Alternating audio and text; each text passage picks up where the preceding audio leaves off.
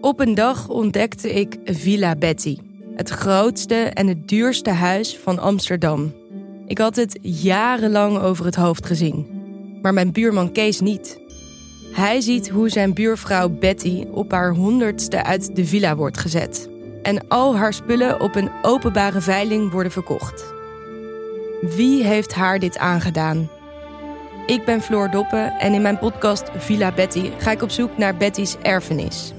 Luister nu in je favoriete podcast-app. Chefs de Mission wordt mede mogelijk gemaakt door Odido, partner van Team NL. Willem, Nienke. jij hebt ons meegenomen naar de tennisbaan. Ja, nou ja, eerst naar de straten van Compton voor een duik in de wereld van eh, Venus en Serena. Nou, ik geloof dat ik eh, zeven keer jemig heb geroepen tijdens jouw verhaal. Dus het is een goed verhaal geworden. Ja, met eh, meerdere Arancha's. De dochter van handballer Lambert Schuurs. Een verre neef van Richard Krajicek, die tering goed kan dubbelen. Ja, en in het Chefs de Mission Museum een vrouw die goud won in Sydney 2000. Met de last van haar hele land en haar volk op haar frêle schouders, Cathy Freeman. Dan kan ze ook de zeven heuvelen lopen uitlopen, Nienke. Het is toch Hij wint. Hij wint. Goud voor Ellen van Lange. Dubbel salto, de flying Dutchman. En hij staat. Zie van Assen los. Volledig gaan. Volledig gaan. Daar is de tweede gouden medaille voor Nederland. Dit is gigantisch. Het is nog 247 dagen tot Parijs en deze podcast, onze voorbereiding op drie weken fantastische sport kijken, is inmiddels 11 afleveringen onderweg. Ja, vorige week ging het over zeilen. Met alles dat je moet weten over al die verschillende boten. Maar we hebben ook al afleveringen gemaakt over bijvoorbeeld Ellen Lange in Barcelona. En eh, de Spelen van 1928 in Amsterdam. Ja, en over uh, Rings en Florijn en Seoul en later in de Holland 8 en al hun nazaten die nu in Parijs weer hoge ogen gooien. Echt een heel aardig eh, archief inmiddels. Het bintje waard, mocht jij net aan beginnen. Maar Willem, wat gaan we dan deze aflevering doen? Nou, ik heb mijn eh, bloedeigenste blinde vlek opgezocht. Eh, ik moet eh, tot mijn spijt bekennen dat ik tennis eigenlijk nooit helemaal op waarde heb leren schatten. Volgens mij echt zo'n dingetje waar je als je er niet mee opgroeit, dan is het, dan, ja, het is er ook later nooit meer van gekomen. En, maar ik heb dus ook die hele golden decades met de strijd tussen Federer en Nadal en later Djokovic en zo wel een beetje laten passeren. Ik kan er gewoon niet toe kom me er gewoon niet, nooit toe zetten om eens lekker twee uur voor een tenniswedstrijd te gaan zitten. Je kunt ook niet alles, Willem. Nee, precies. Maar dus ik heb ook dat van eh, de hele, eigenlijk de hele carrière van de Williams sisters eh, gemist. Die in mijn van verhaal van vandaag centraal staan. Dus het is een beetje een uh, wiedergoedmachung. Zo voelt het. Ja, ik denk ook wel dat het komt dus dat in ieder geval tennis op de Olympische Spelen Mhm. gaat altijd een beetje langs me heen. Maar dat komt ook omdat je, je hebt zoveel hoogtepunten in een, op een tenniskalender in een jaar. Ja, Er is zoveel om te, te kijken. Dat dus die Olympische Spelen ook niet zeg maar daar eh, het toppunt van is. nee, precies. Het is De- niet dat Olympisch goud belangrijker is dan Wimbledon winnen. Nee. Voor mij juist andersom.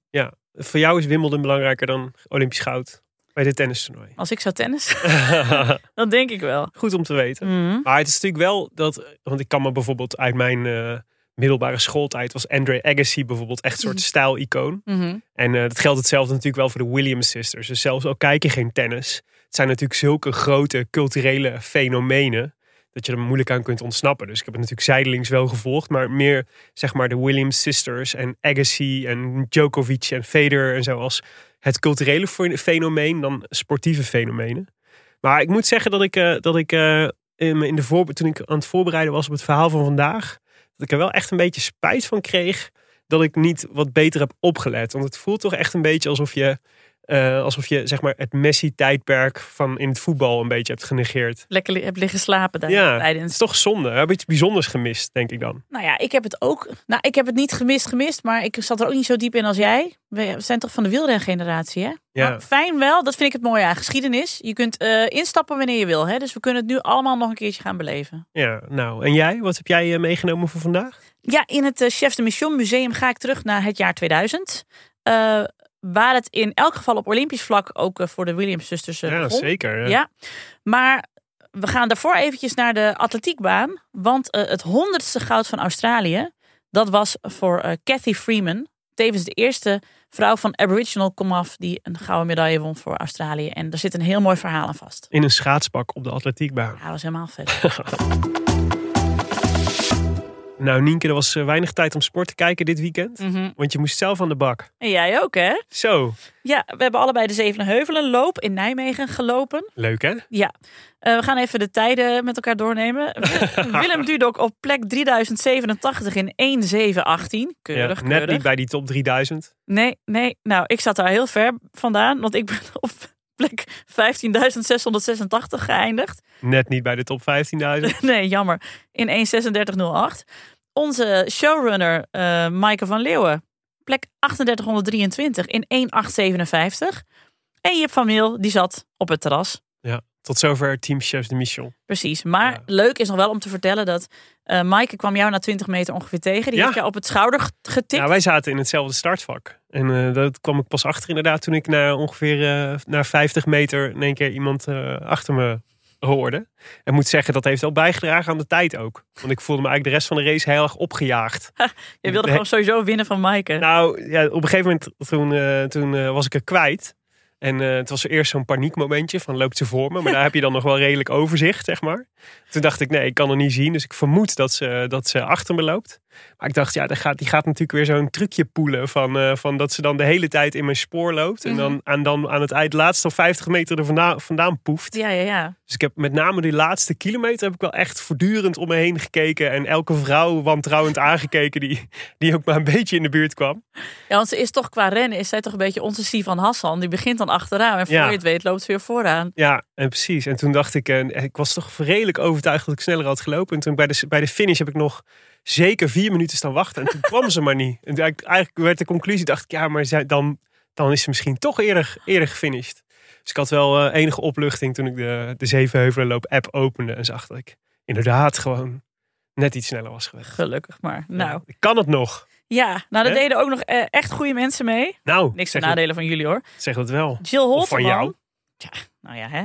Jill Holteman, die trok bij de Nederlandse atleten aan het langste eind. Ja, Eh, de Saandamse marathonspecialiste wist in voorbereiding op de Olympische Spelen van Parijs volgend jaar, want dat doet ze ook aan mee, 49,59 ja. klokken. Ja, ja, ze wil meedoen aan de Spelen in Parijs, maar ze moet zich nog wel kwalificeren Oeh. met een goede marathontijd. Ook andere Olympische kampioenen aan de start. Eh, Vivian Kiriot, die deed mee. Eh, Olympische gouden winnares in Rio 2016 op de 5 kilometer. En Jacob Kiplimo, die uit Oeganda, die won en evenaarde het wereldrecord op de 15 kilometer bij de Zevenheuvelloop. En die won, ik ken je misschien nog van de 10 kilometer, van de 10.000 meter op de atletiekbaan in Tokio. Wat super spannend was, want volgens mij eindigden de nummers 1, 2 en 3. Kiplimo werd dus 3 binnen zestiende van elkaar. Jeetje. Dus een mega eindsprint was dat. Nou ja, en ook eh, tweevoudig bronzen medaillewinnaar Erbe Wennemars. Die stond aan de start. Want hij Ja. is ook ambassadeur van de Zevenheuvelenloop. Dus hij Ja. moet wel. Hij eindigde op plek 1612. Oké, nou net niet op het podium dus. En jij hebt nog VIP-spotting gedaan. Anne Luiten zag ik in Café de Kluizenaar. Ja, die eh, zich wel kwalificeerde voor, voor eh, Parijs. Althans, daar lijkt het op dat ze zich heeft gekwalificeerd. Ja, die, eh, volgens mij deed ze niet mee. Maar ze was wel na afloop lekker, nou geen biertjes aan het drinken. Maar even de, even de kroeg in.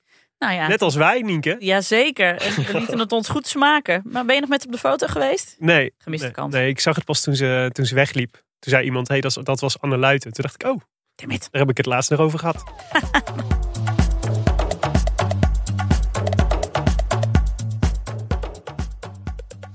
Oké Willem, eh, neem ons terug naar de zusjes Williams. Ja, nou ja, laten we beginnen met eh, even iets meer eh, algemeen over tennis op de Olympische Spelen. Mhm. Beetje context, hè, ja, voordat we aan de. Williams Sisters beginnen.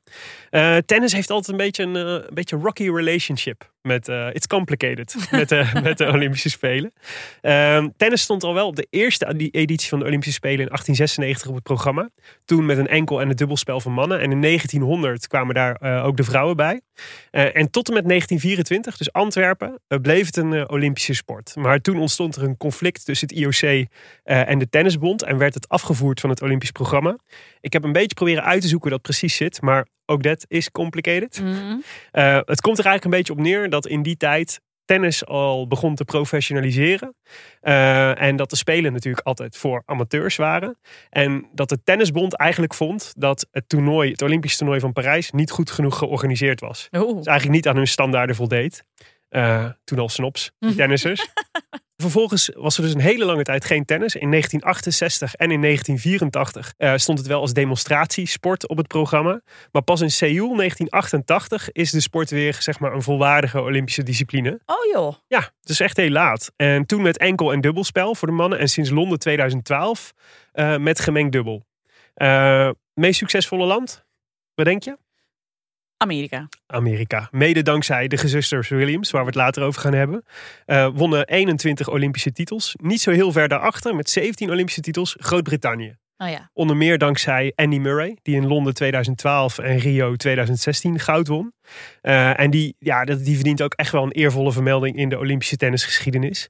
Ik weet niet of dat je nog weet, maar die Olympische tennisfinale van, eh, van 2012 in Londen, die staat mij echt nog wel heel erg bij. Mhm. Hij speelde toen tegen de beste van de wereld, Roger Federer, op gras, net als op Wimbledon. eh, waar hij een paar maanden eerder de finale van Wimbledon van diezelfde Federer had verloren.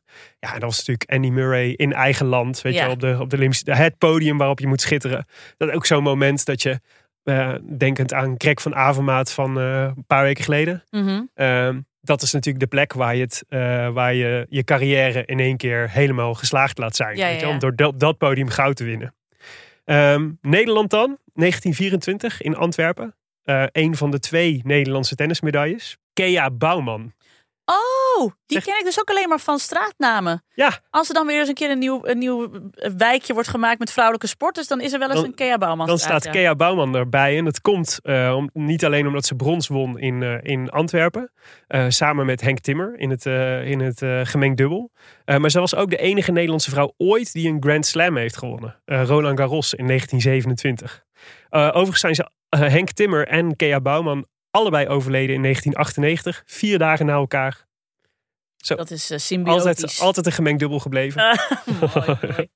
Ja, als we het wel eh, over, eh, over Nederland en tennis en Olympische Spelen hebben, dan kunnen we in ieder geval niet om de dominantie van de Nederlandse rolstoeltennisters heen. Mhm. Want men- met name de Nederlandse vrouwen in de rolstoel zijn echt schier onverslaanbaar. Eh, nou ja, Esther Vergeer eh, won in 2000, 2004, 2008 en 2012 de Olympische titel. Eh, is nu natuurlijk chef de mission van de Paralympics. En zeer waarschijnlijk hopen wij binnenkort ook bij ons te gast hier in de studio. Eh 2016 won Jiske Griffioen. En 2021, dus eigenlijk de Spelen van 2020, won Diede de Groot. Fun fact over Diede de Groot. Die won dus de Olympische finale van 2021. Mhm. En heeft sindsdien alle Grand Slams daarna gewonnen. Dat zijn er dus inmiddels. 12 op een rij. Dat is toch niet normaal? Nee, dat is echt niet normaal. Ik heb ook altijd daar het gevoel dat Esther Vergeer, zeg maar, die gewoon alleen heerser was. Ja. En toen als een soort van haar zegen heeft doorgegeven van, Ja. dan mogen jullie. En dat je dus zonder de zegen van Esther Vergeer red je het niet dus in het rolstoeltennis. Je Nee. dat dus nodig. Nee, maar de- precies. Dus die Esther van Geer is een soort larger than life. Maar die Diede de Groot, die gaat gewoon echt... Nou ja, die gaat gewoon heel hard richting net zo goed of even Ja. of beter zelfs nog dan haar. Ja. Echt waanzinnig. Maar wat die Diede de Groot dus deed, dus eh, alle vier de Grand Slams, dus dat is dan de Australian Open, Roland Garros, Wimbledon en de US Open, in één jaar winnen en goud op de Spelen. Dat heet een Golden Slam. Lekker. Ehm, en er is maar één iemand anders die dat na haar, of eigenlijk voor haar, heeft gedaan. Eh, en jij weet denk ik wel wie. Tennislegende. Ik geef je één hint. Hm? Fräulein Voorhand. Steffi Graaf? Steffi Graaf. Oh, joh. Heel goed. Steffi Graaf won, eh, won eh, dit is, dit is in het kader van jouw positieve EMDR. Daar zouden we zijn- het niet meer over hebben. We zijn vertrokken, Nienke. Eh, Steffi Graaf won goud in 1988 in Seoul. Eh, dat was dus de eerste keer dat tennis weer op het programma Mhm. stond. Plus alle Grand Slams dat jaar. Eh, en ze is natuurlijk getrouwd met een andere Olympisch kamp- kampioen. Andre Agassi. Andre Agassi, die in 1996 in Atlanta won. Ehm, hun, ze hebben twee kinderen, Jaden en Jazz. Die hebben allebei geen interesse in tennis. Oh, Eh, ook niet in boksen trouwens, wat hun opa, de vader van Agassi, deed. Want dat Mhm. was, eh, die vertegenwoordigde Iran op de Spelen van 48 en 52 in het boksen. dit zijn toch de betere weetjes, hè? Goeie kroegfeitje. Ja, echt heel goed. Vond ik ook, ja. Ehm, wat andere bekende namen onder Olympische kampioenen. Kafelnikov won in Mhm. 2000. Rafael Nadal won in 2008. Boris Becker en Michael Stich wonnen het dubbelspel in 92. Roger Federer en eh, Stanislav Wawrinka wonnen het dubbelspel in 2008. Eh, 1992 Jennifer Capriati. Jeetje, joh. Ja. 2004 Belgisch succes Justine Henin. Mhm. Eh, maar goed, wij willen het natuurlijk hebben over de Williams Sisters. Ja. Ehm, hun eh, volledige namen? Eh, Serena Jamaica Williams en Venus Ebony Star Williams. Ebony Star. Ebony Star. Lekker. Moet ik heel erg denken aan mijn hond, die voluit Dolly Twilight Sparkle heet. die hoek is het een beetje. Ja. Maar Venus is dus de oudste van 17 juni 1980. En Serena eh, is een, werd eh, dik een jaar later geboren, 26 september 1981. Ehm, twee telgen uit een eh, samengesteld gezin van vijf. Ze hadden drie oudere zussen, Toende, Lynn en Isha. Dat waren kinderen van hun moeder Oracene Price. En Serena en Venus zijn allebei dochters van Oracene Price en Richard Williams. Eh, over hun leven is in 2021 natuurlijk echt die beroemde film gemaakt, King Richard. Ja. Je had hem niet gezien volgens mij nog hè? Nee, ik ga hem nu hierna kijken. Zei, moet ik nog kijken of ga je het me vertellen? Ja, ik ga het je een beetje vertellen, maar je moet hem hierna zeker kijken. Maar dat is natuurlijk met Will Smith in de hoofdrol als eh, vader Richard Williams, waar hij ook een Oscar voor won Ja. voor eh, beste hoofdrol. Ik heb hem afgelopen vrijdag gekeken. Echt wel een aanrader inderdaad. En die gaat over de jeugd van de Williams Sisters, met name over de jeugd van de Williams Sisters in Compton. Eh, en Compton is een voorstad van Los Angeles, tevens bekend van eh, Dr. Dre en Ice Cube en NWA en zo. Now we want to introduce you to a proud father, a man who is pushing his daughter, Venus Williams, to be the best in the world. Good racket speed. Good racket speed. And speed that racket head up. Richard Williams, who supposedly bought a book or some DVD or something and sort of said, I'm going to teach these kids how to play tennis in some really tough part of Los Angeles. Straight out of Compton. We grew up on Stockton Street, Compton, California, 90221. That's where we grew up. And I'm gonna tell you something, there was nothing remotely unhood about it. Niet de meest frisse omgeving in op te groeien. Nee, verre van. Beetje dodgy, veel bendegeweld en zo. Dat zie je ook wel terug in de film. Eh, zus Toende, dus de, de oudste zus van, eh, van de Williams sister, die wordt er jaren later ook doodgeschoten als ze Oh, per ongeluk terechtkomt in een eh, drive-by shooting. Oh. Dus nee, zeker geen, geen, niet, niet per se de prettigste plek om te verblijven. Al werd Kevin Costner er ook geboren, zag ik Oh. op Wikipedia. Nou. Nou, hè? Nou ja, wat doet hij daar nou? Ja, precies. Of in deze podcast. Ja, precies. ja. En, eh, maar als je dacht dat Jos Verstappen een fanatieke sportvader was, dan eh, heb je Richard Williams nog niet ontmoet. Eh, want die heeft nog voor de geboorte van Venus en Serena een plan geschreven van 78 pagina's. Waarin de stappen staan beschreven die zij moeten volgen om de tennistop te bereiken. Sterker nog, Compton is niet de plek waar ze wonen en toevallig wonen en niet meer wegkomen, zeg maar. Of eh, Mhm. het is een deel van het plan. Wonen in Compton. En zo kunnen ze namelijk wennen aan een hard leven, zegt eh, Jemig. en Sterker nog, hij betaalt dus ook af en toe kinderen uit de buurt om Venus en Serena flink te jennen. Wat? Zodat ze ook kunnen wennen aan vijandig publiek op de tennisbaan. Oh, kan nou al niet meer. En ze moeten ook bijvoorbeeld vier talen leren, zodat ze zich staande kunnen houden in die internationale tenniswereld. Konnichiwa. Bonjour. Hola. Hola. Hola, yeah. Ja, het is, het is echt wel, het is echt wel een tikkie bizar. Ja. Het is ook heel gezellig wel. Dat zie je ook wel in die film. Dus het is een hecht gezin. Eh, Serena en Venus zijn echt wel best friends. Eh, ze mogen gra- graag met z'n vijven eh, films kijken. eh, samen karaoke. Greatest Love of All. Uiteraard. Whitney Houston. Ja, ja. Grote favoriet van de, van de Williams sisters. Ehm, en, eh, maar ze moeten vooral heel veel trainen. En in het begin doet Richard dat zelf. Die heeft allemaal videobanden gekeken van beroemde tennistrainers. En, en dat probeert hij dan goed na te doen. En is echt gewoon keihard elke dag uren maken, ballen slaan op de lokale baantjes in Compton. En daar rijdt hij dan heen met zijn gammele Volkswagen busje, bak vol ballen, die hij dan bij een of andere countryclub gevraagd heeft of dat hij dan de gebruikte ballen mag hebben. Eh rackets achterin en dan maar de hele tijd werken met die meiden. Eh, soms gaan de oudste drie ook mee, de oudste drie zussen, maar die dienen dan toch vooral een soort van aangooier voor Venus en Oh, Serena. Of als kanonnenvoer voor om, eh, om die keiharde ballen te proberen terug te slaan. En als vader ben je natuurlijk altijd bevooroordeeld. eh, maar het is wel echt overduidelijk voor iedereen die het kan zien. Die dames hebben echt talent. Serena en Venus kunnen wel echt iets. Maar Richard weet dus ook, en dat staat dus ook in dat plan. Ik kan ze maar tot een bepaalde hoogte brengen. Ik kan eh, heel veel uren met ze trainen. eh, en, en, en proberen om dat zo goed mogelijk te doen. Maar als ze echt goed willen worden, dan hebben ze dus een, echt een goede coach nodig. Maar ehm, weten we waarom hij voor tennis heeft gekozen? Waarom moesten zij zo per se goed worden in tennis dan? Ja, en ik weet het niet helemaal precies. Maar ik denk dat geld een belangrijke rol speelt. Mhm. Uh, op een gegeven moment, dat volgens mij zit dat moment ook in de film, dat hij dan ziet wat het prijzengeld is bij een, uh, bij een bepaald tennistoernooi. En dat is dan geloof ik 30.000 dollar. En dan denkt hij, ja, dat is dus voor een paar uurtjes sporten. Eh, verdienen, ze, verdienen ze meer dan dat ik op een heel jaar verdien. Mhm. Eh, dus dat zal ongetwijfeld een belangrijk argument hebben, eh, is zijn geweest. Ehm, eh, en het is ook wel, nou ja, het is wat ook wel opvallend. Het is natuurlijk een hele witte sport dan nog. Dus Ja. het is best opvallend dat er in één keer twee eh, donkere meiden in één keer supergoed zijn in zo'n eh, in zo'n eh, in, in tennis. Ja. Maar goed, Williams heeft geen geld. Dus hij denkt dan, ja, als ze beter moeten worden, moet ik, heb ik een coach nodig. En dat moet dan eigenlijk via een soort, soort deal waarin iemand die meiden gratis traint.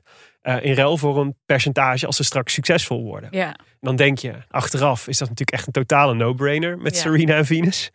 Had meteen ja gezegd, zou je, zou je zeggen. Maar toen natuurlijk niet. Want er zijn natuurlijk zoveel vaders die met hun kinderen op dezelfde manier eh, eh, aankomen kakken. En zeggen, ik heb hier eh, de, de volgende Jennifer Capriati. Ja.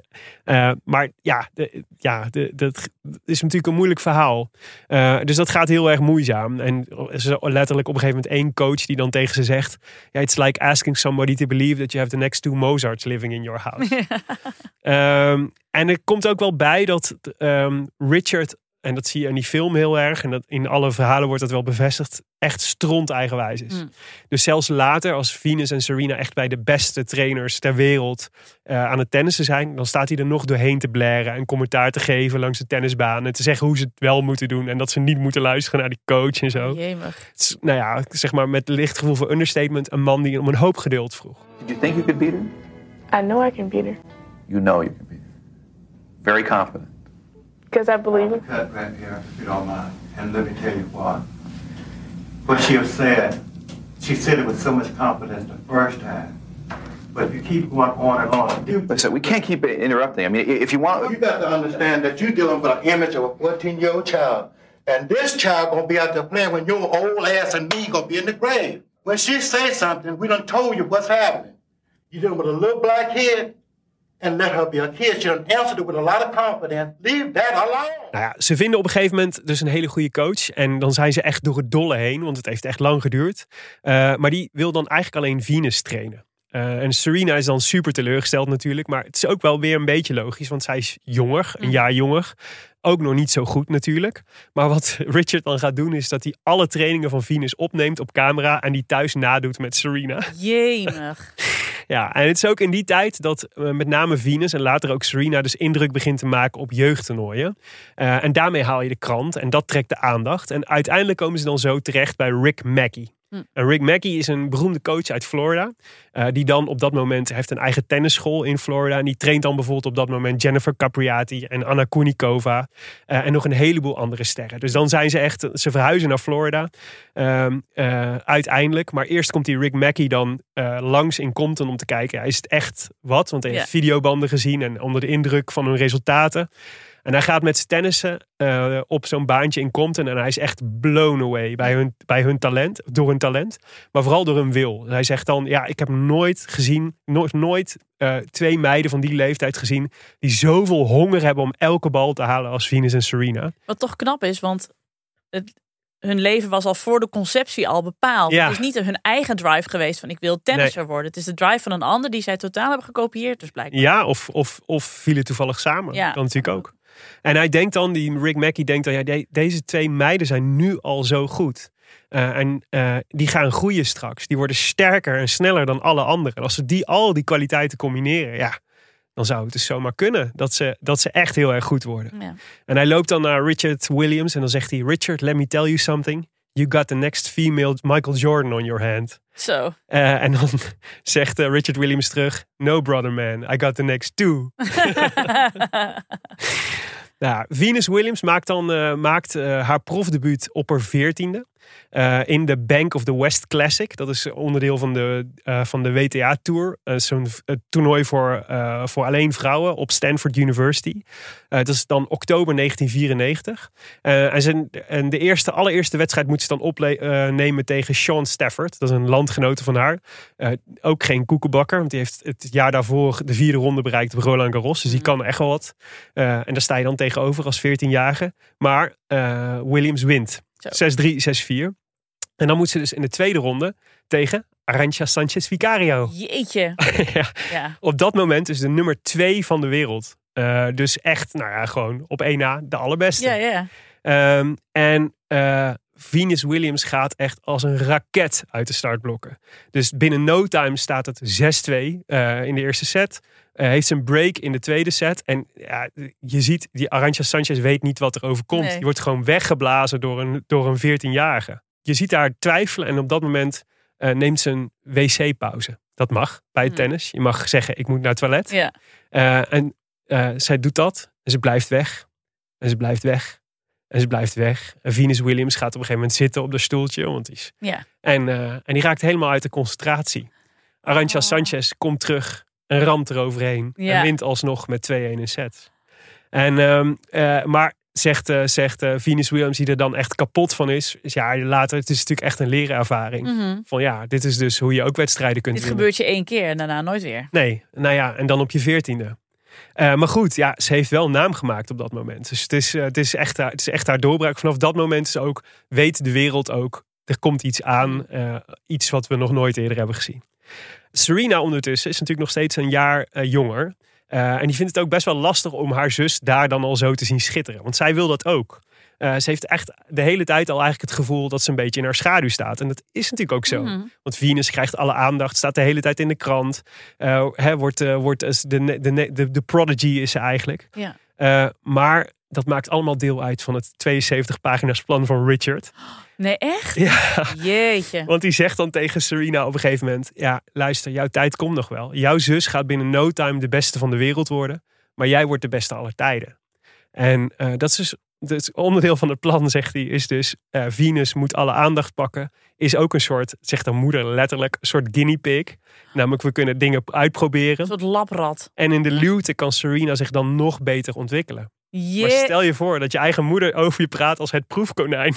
Oh, ik heb volgens mij nu al zeven keer jeetje geroepen, maar ik, ja. het is echt onge... Oh. Ja. Willem, bedenk even dat je dit bij je eigen kinderen had gedaan. Dat is ja. absurd.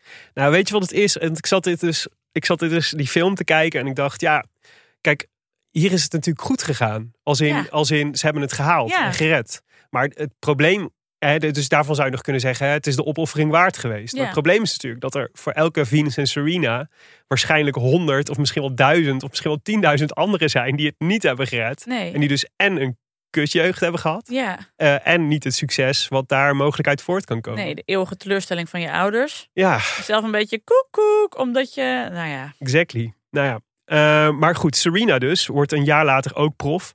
En dan op een gegeven moment blijkt al heel snel, ja, zij zijn gewoon met z'n tweeën de grote talenten van het tennis. Uh, generatie Martina Hingis en Anna Kournikova. Uh, en dan Atlanta 1996 komt echt nog wat te vroeg. Uh, maar Sydney 2000, dan zijn ze dus 20 en 19. Dat worden hun eerste Olympische Spelen. Nou, het is dan niet dat ze nog onbeschreven bladen zijn, want Venus heeft al Wimbledon gewonnen. Serena heeft al de US Open gewonnen. En ze zijn samen ook een ijzersterk dubbel duo. Uh, en daar hebben ze al Roland Garros, US Open en Wimbledon gewonnen. Jeetje. 19 en 20, hè, mind Ja. you. En in, uh, in Sydney zijn ze dus echt on fire. Dus Venus speelt uh, als enige het single toernooi. Verslaat Arantxa Sanchez Vicario. Daar is ze weer. Ja, die. Ja. Molika Seles en Elena Dementieva. Die dan weer op haar beurt onze Christy Bogart heeft uitgeschakeld. Uh, en wint goud. Uh, en in de dubbel zitten ze samen en komen ze in de finale tegenover Mirjam Oremans uit Berlicum, dan 28. Ja. En Christy Bogart uit Zuid-Beierland, dan 27. Gewoon finale, hè? En die spelen tegen elkaar de finale in Sydney. Maar het is echt kansloos. Mm. Gefeliciteerd met zilver, zullen we maar zeggen. Ja, dankjewel. Er zat gewoon niet meer in. Ja, eigenlijk zaten we al meer bezig met oh god, hoe spelen zij en niet met ons eigen spel. We zijn vandaag gewoon begonnen met een tactiek die we, we proberen vol te houden, maar ze zijn gewoon te goed. Ik bedoel, als je gewoon bijna niet uh, uh, aan spelen toekomt, als je bijna ook geen rallies hebt, dan is het heel moeilijk om in je ritme te komen. Dit is gewoon uh, een klasse apart. Eerste set, 19 minuten, 6-1. Uh, inclusief pauze. 50 minuten in totaal de wedstrijd. Twee keer 6-1. Uh, en nou, het, was, het was klaar. Ze zijn gewoon te goed. Concluderen Oremans en, uh, en Bogert ook. Nog een beetje teleurgesteld, maar ook... Ja, het is echt alsof er een stoomwals overheen is gegaan. Wow. Ze hebben, ze, volgens mij, ze, ze hielden geen enkele keer hun service. uh, elke rally die je ook ziet is echt, ja, het, het, slaat nergens op. Het is gewoon, ze zijn echt, ze zijn echt veel te goed voor ja, die twee. Het is alsof ik aan het rennen ben. Uh, ja, bal... tegen, tegen jou. Nee. nee, dat is niet helemaal de juiste vergelijking. Nee, maar het tegen is, Anna Luiten. als, Ja. je, als je erover nadenkt, is het absurd. Want Oremans en Bogert hebben dus het niveau om in de Olympische finale te komen. Ja, precies. Eh, maar in de finale komen ze dus tegen die Williams sisters en worden ze gewoon, ja, gewoon weggeboeldozen. Ja, dus het was eigenlijk, ik maak nu met mijn handen. Je dacht dat dit het niveau was. Ja. Dat is het, wat je moest halen. Dat hebben ze gehaald. Ja. Maar het blijkt ineens nog eens een stiekeme Ja. mensen hier te zitten. Ja, joh. Ja, het was natuurlijk toen al, en, maar nu toch zeker met terugwerkende kracht ook al echt een waanzinnige prestatie van Oremans en Bogert. Eh, en ook, want ze hebben gewoon zilver gewonnen op de Olympische Spelen. Ja. En hoe vet ook, denk ik dan, dat, ze, dat je dan onderdeel wordt van een nog veel groter verhaal. Namelijk eh, dat van de Williams-zusjes op de Olympische Spelen. Want het eindigt natuurlijk niet in Sydney. Eh, in 2008 winnen ze samen weer dubbelspel in Beijing. In 2012 wordt Serena, Serena dus kampioen in, de, eh, in het enkelspel. Ze verslaat dan Maria Sharapova. En ze winnen weer samen het dubbelspel. Dus ze hebben dan op dat moment allebei vier gouden medailles. Zo. Drie keer in het dubbel en allebei één keer een individuele titel. exciting because uh, just to have won the gold not only in doubles but just with Venus and you know she's a great sister, a great friend and mentor sometimes.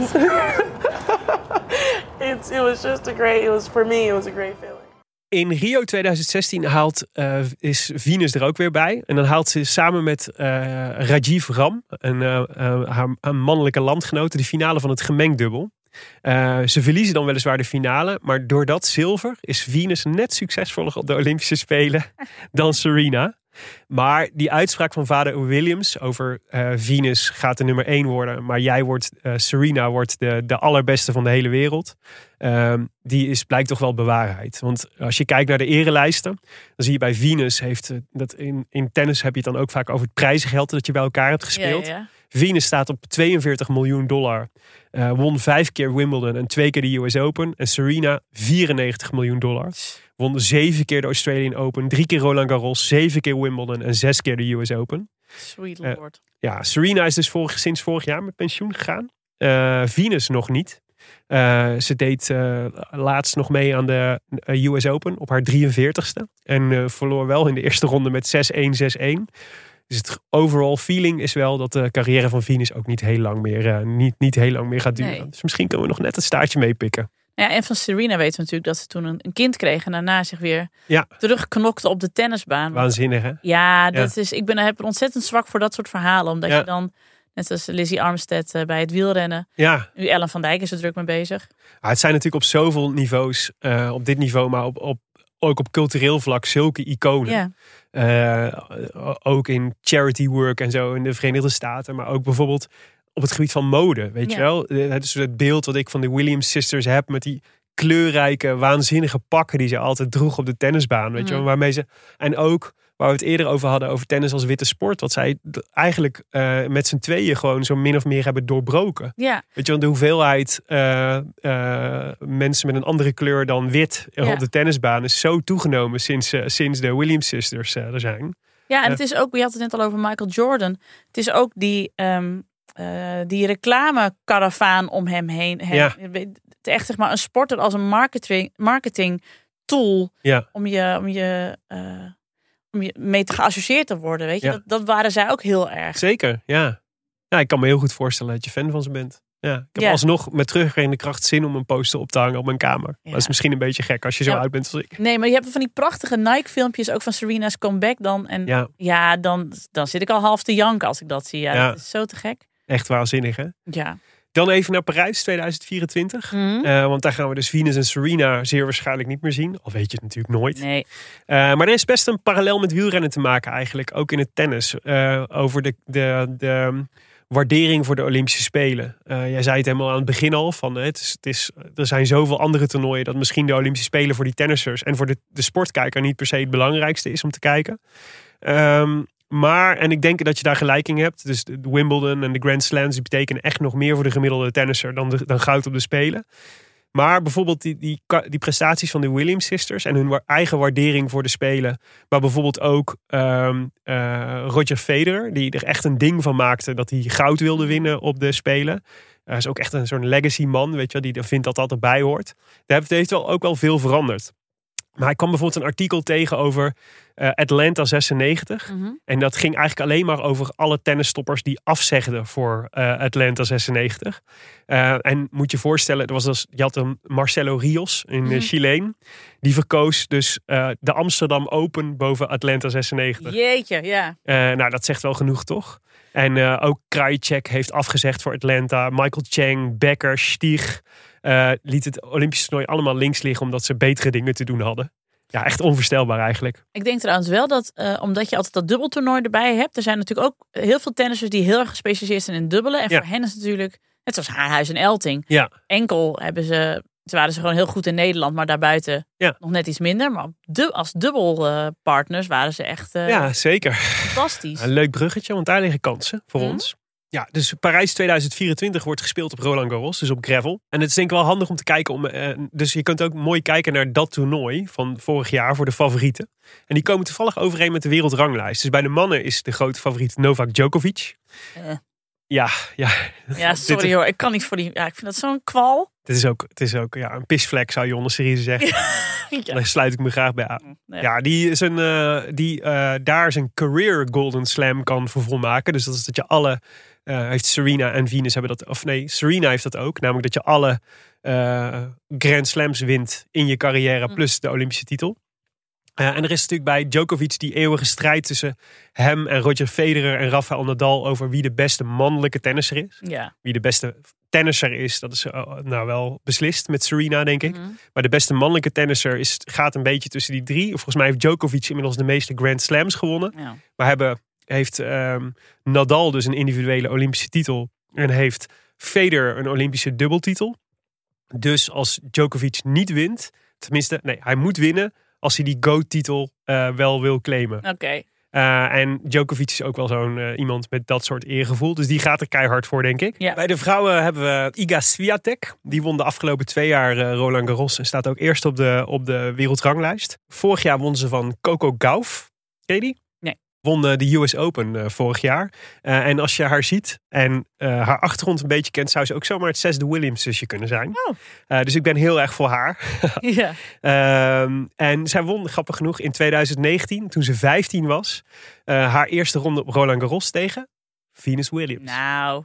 Veel cirkeltjes en, is- en ja, ronde cirkeltjes. Dus inderdaad, net zoals bij het rolstoeltennis, wordt er ook een zegen doorgegeven, zeg maar. Precies, Ja. Mooi, ja. mooi. Ja, wie hebben wij bij de mannen? Uh, nou, Talon Griekspoor, 23ste op de wereldranglijst. 53ste op de ra- wereldranglijst Botik van de Zandschulp. Mhm.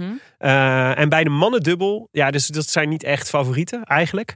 Maar bij de mannendubbel hebben we denk ik meer kans. Uh, Die dubbel is sowieso een beetje gek. Want uh, normaal gesproken mag je dubbelen met wie je wil. Dus dan zijn er heel vaak zeg maar uh, meerdere nationaliteiten of twee nationaliteiten.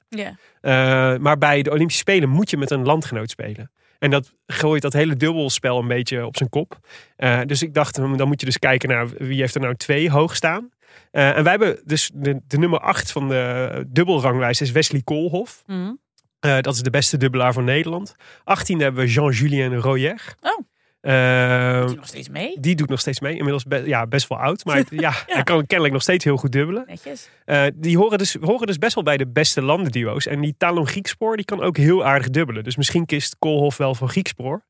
Uh, en dan hebben we in één keer een. Nou ja, dan, dan zou je zomaar in één keer kans kunnen maken. Hm. Uh, weet je wie de nummer één uh, dubbelaar ter wereld is momenteel? Nee. Krajicek. Michaela? Nee, Austin Krajicek heet hij. wie is Austin Krajicek? Ja, dus is een verre achterneef, een Amerikaanse achterneef van Richard. Wauw.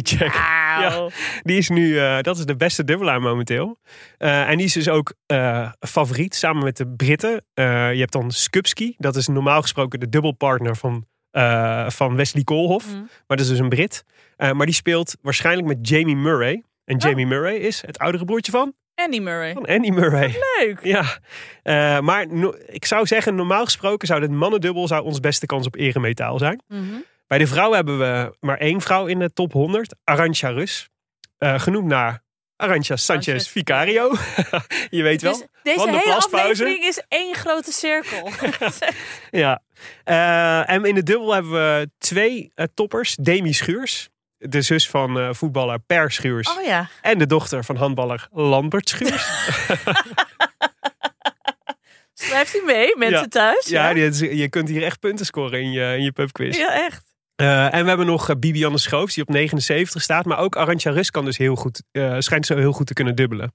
Eh, en daar zit dus, eh, het is interessant, want we hebben ook nog het gemengdubbel. Eh, en daar liggen volgens mij dus ook eh, potentiële kansen. Namelijk, stel dat we nou Talon Griekspoor en Arantja Rus afvaardigen in het gemengdubbel. Ik zeg, make it happen. Huppatee.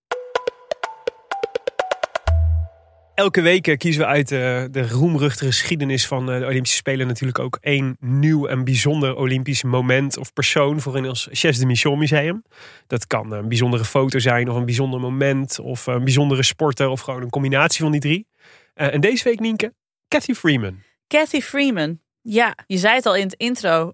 dat was inderdaad die vrouw die in Sydney 2000 een gouden medaille won op Ja. de 400 meter in dat waanzinnige pak. Ja, Die toen ook het eh, Olympisch vuur mocht aansteken in Sydney 2000 in een fantastisch wit pak. Ik weet niet of je Ja. dat nog weet. ja zeker. Nou, dat leven, dat is een heel bijzonder leven wat daar eh, aan vooraf ging. En dat begint in 1973. Dan wordt ze geboren in Queensland in Australië. In Australië, sorry. Ik heb zoveel Aus- Australische filmpjes zitten kijken de afgelopen dagen. Ehm, ze komt uit een, eh, een groot gezin. Ze heeft onder andere een broer met wie ze veel hardloopt. Maar ze heeft ook een zus die heet Anne-Marie. En die eh, heeft cerebrale parese. Dus die is eh spastisch. Ja, oh ja. En die kan niet lopen en ze kan niet praten. En als Cathy een paar jaar oud is, dan gaat Anne-Marie ook ergens anders wonen. Mhm. Ze wonen niet bij elkaar in huis, maar ze hebben wel een hele goede band met elkaar.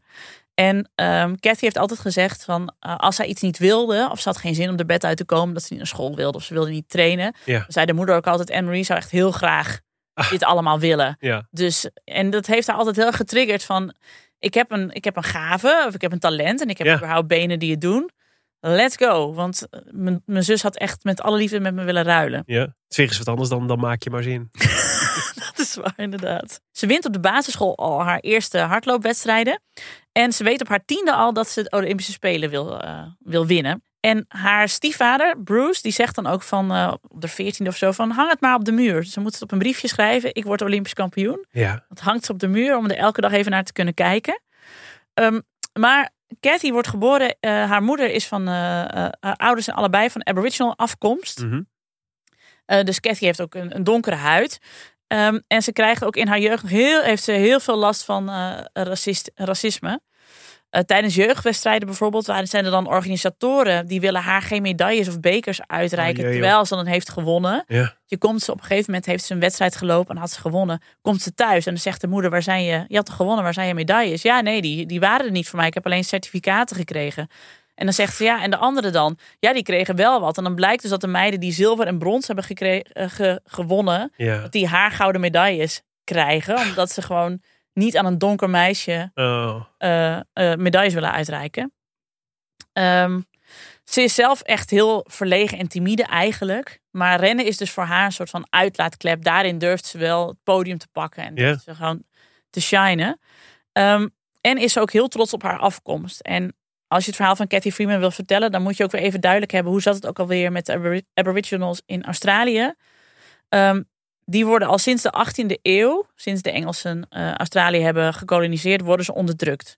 Dus ze krijgen minder goed toegang tot gezondheidszorg en onderwijs, worden stelselmatig gediscrimineerd. En ehm, een dieptepunt daarvan, dat zijn de stolen generations. En dat zijn de kinderen die tussen 1900 en 1960 eh, worden Aboriginal kinderen bij hun ouders weggehaald. Om vervolgens opgevoed te worden door witte gezinnen Uh. of in kindertehuizen terechtgekomen. Nou, dat is echt een smet op de Australische geschiedenis. En het heeft heel lang geduurd voordat men daarover durfde te praten. En ja, eigenlijk die emancipatie heeft ook heel erg met Cathy te maken. Daar kom ik zo op terug. Cathy is ondertussen groot fan van Florence Griffith Joyner. Nice. Ziet haar goud winnen op de Olympische Spelen van Los Angeles in 86. En Ja. denkt dan helemaal dat, daar moet ik naartoe. Ja. Ehm, haar trainer schrijft haar dan in voor de selecties van de Commonwealth Games. En dan in een maand tijd ehm, ja, eh, stoomt ze zichzelf daarvoor klaar. En daar wordt ze heel verdienstelijk op de 100 meter derde. En op de 200 meter wordt ze vijfde. En dan mag ze, dat is bij die, ehm, eh, die selecties. Dus ze mag naar de Commonwealth Games in 1990 als 16-jarige. Als eerste Aboriginal meisje wint ze daar goud. Omdat ze lid is van het estafette team. En ze winnen daar goud op de Commonwealth Games voor Australië. Ja. En ehm, Ja, dat is echt voor haar een soort van. Ze wordt dan ook eh, Olympisch jeugdspeler, van Australisch jeugdspeler van het jaar. Dan geeft ze ook een speech en dan zegt ze: Dit is niet, het is niet alleen belangrijk voor mij, maar het is ook heel erg belangrijk voor mijn mensen. Ja. wil laten zien van je kunt bereiken wat je wil, weet je, ook, ook, ook Ja. als je van Aboriginal komaf bent. Ehm, maar niet lang daarna overlijdt Anne-Marie aan een eh, astma-aanval. En Die is dan 24 jaar oud. Ze zegt dan ook in een interview: Ik had zo'n grote vreugde bij die Commonwealth Games en dat me dat was gelukt. En Ja. het verdriet daarna was zo vreselijk groot. Het is voor altijd met elkaar eh, verbonden. Ze mag dan in 92 ook naar de Olympische Spelen in Barcelona. Ze heeft dan een nieuwe coach, die heet Peter Fortune. En die zegt: Jij moet naar de 400 meter. Dat is een betere afstand voor jou. Mhm.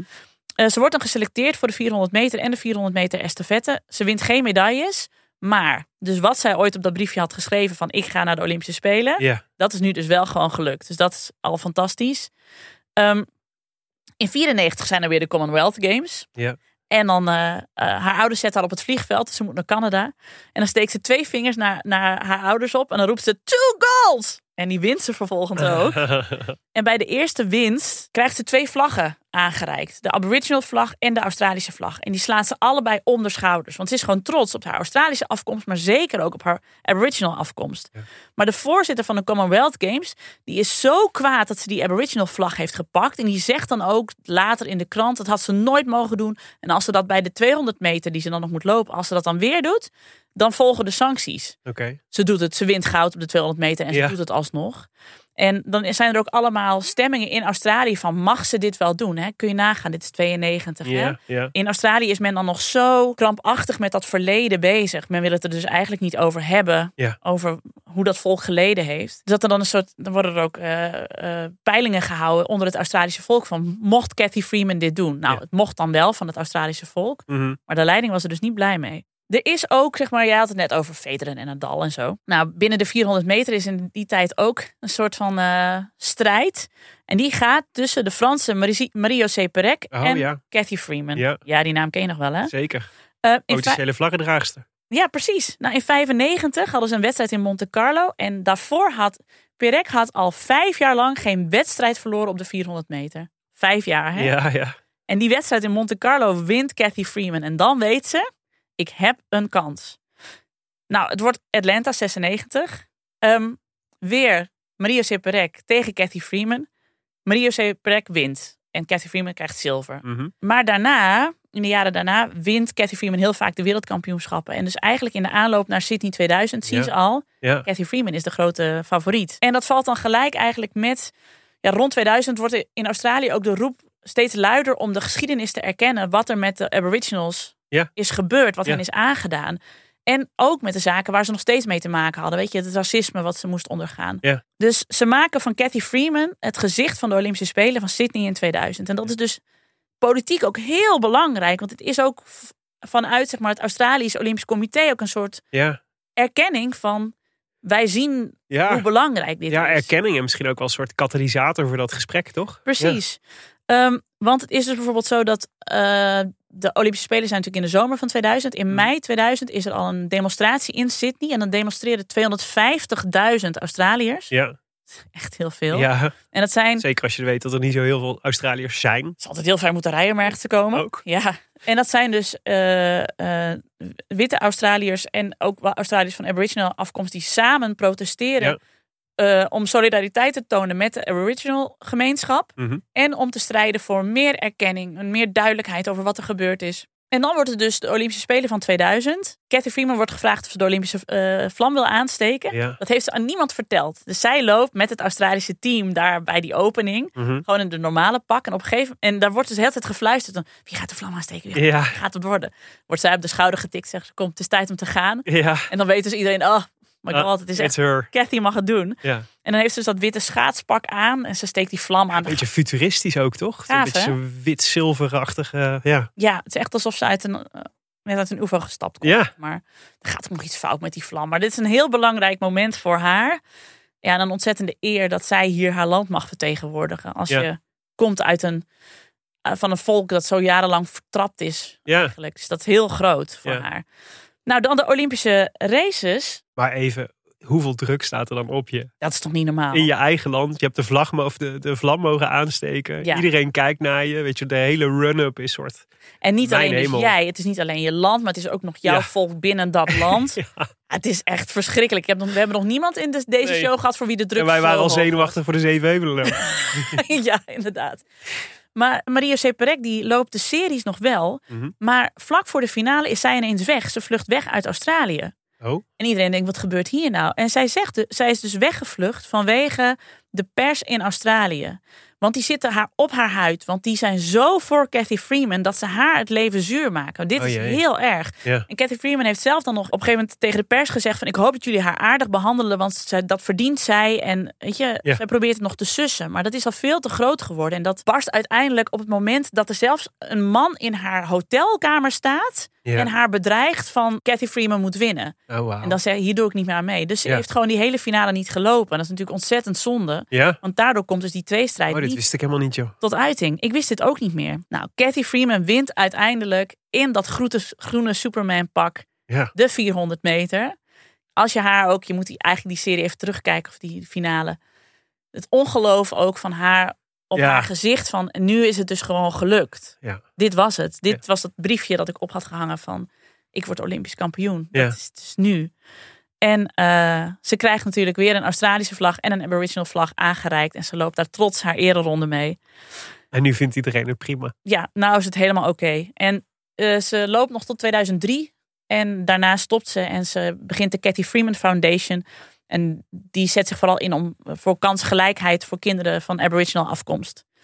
En eh, ja, daar zijn natuurlijk het, het allergrootste voorbeeld van. Ja. Het is echt een van de ja, grootste Australische sporters eh, die we ooit hebben gehad. Wat een verhaal, joh. Goed hè? Ja. Het museum kun je dus vinden op Instagram, Chefs de Mission. Als je suggesties hebt, eh, stuur ons even een berichtje. Net als velen vinden we echt super leuk. Dan kunnen we samen bouwen aan een hele vette collectie. Kregen nog een vraag van eh, Janine Timmerman. Die had geluisterd naar de aflevering waar we het hadden over Henny Kuiper en Fabio Cassatelli en Mathieu van der Poel. Eh, en of de vraag, over de vraag of mountainbike en de wegwedstrijd in het wielrennen eigenlijk wel te combineren waren straks op de Spelen. En ik kan me, schrijft ze, vaag herinneren dat kwalificeren voor de mountainbike namens Nederland een lastig verhaal ging worden. Weten jullie hoe dat precies zit? Misschien wel goed eh, om te, erachter even te- te benoemen nadat Willem hem zo heeft opgegeven. Ja. Klopt. Het is een beetje een ingewikkeld verhaal en toch ook weer niet. Eh, want het had te maken met eh, de, de, onze plek op de Olympische ranglijst. eh, en plaatsing op basis van die ranking. Het probleem is, zeg maar, we hebben de, onze twee beste mountainbikers, Mathieu van der Poel en Milan Vader, Mhm. hebben eigenlijk afgelopen jaar amper mountainbike races gereden. Eh, omdat ze geblesseerd waren of andere dingen, dingen te doen hadden. Dus het, was, het leek lange tijd een beetje onzeker. Ehm, eh, van der Poel had plaatsing nog wel in eigen hand als hij bij het WK mountainbike eh, heel goed had gepresteerd. Maar daar kwam hij ten val na vijf minuten. Mhm. Dus dat leek eventjes eh, blinde paniek. Namelijk, nu hebben we geen startbewijs voor de Olympische Spelen. Maar er was een gelukje voor Mathieu van der Poel en voor de Nederlandse ploeg. Want bij de belofte op het WK mountainbike waren ook twee Olympische tickets te winnen. De belofte is dus de jongere categorie. Mhm. En daar reed Tom Schellekens namens Nederland eh, naar een vijfde plek. Eh, en voor hem eindigden alleen maar landen die al op basis van de ranking waren geplaatst voor de Olympische Spelen. Oh. Dus door de prestatie van Tom Schellekens mag Nederland nu. er lijkt het erop dat Nederland één mountainbiker mag afvaardigen naar de Spelen.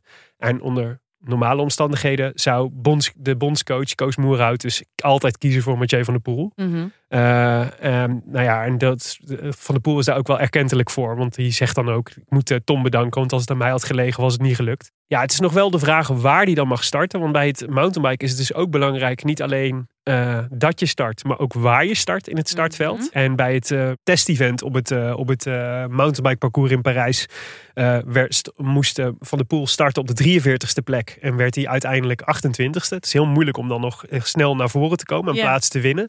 Dus zo'n goede startplek is wel echt cruciaal voor een medaille. Maar die kan je dus weer alleen krijgen door een goede positie op de wereldranglijst te hebben. En die heeft hij nu niet, Mathieu van der Poel. Dus daar zal hij nog wel echt punten voor moeten sprokkelen om zijn uitgangspositie gewoon te verbeteren. Dus dan zou hij eigenlijk dit voorjaar en deze winter vooral heel veel moeten mountainbiken. Ja. Eh, en dus eigenlijk het, het wegwielrennen nu weer een beetje op een lager pitje. Want anders kan hij dat mountainbiken sowieso. Ja, hij zal in ieder geval een combinatie moeten maken van die twee. Ja, nou ja, de- dus eh, anders start hij gewoon achteraan. En dan ben je eigenlijk de facto kansloos met al die toppers die ook allemaal, eh, die ook allemaal meedoen.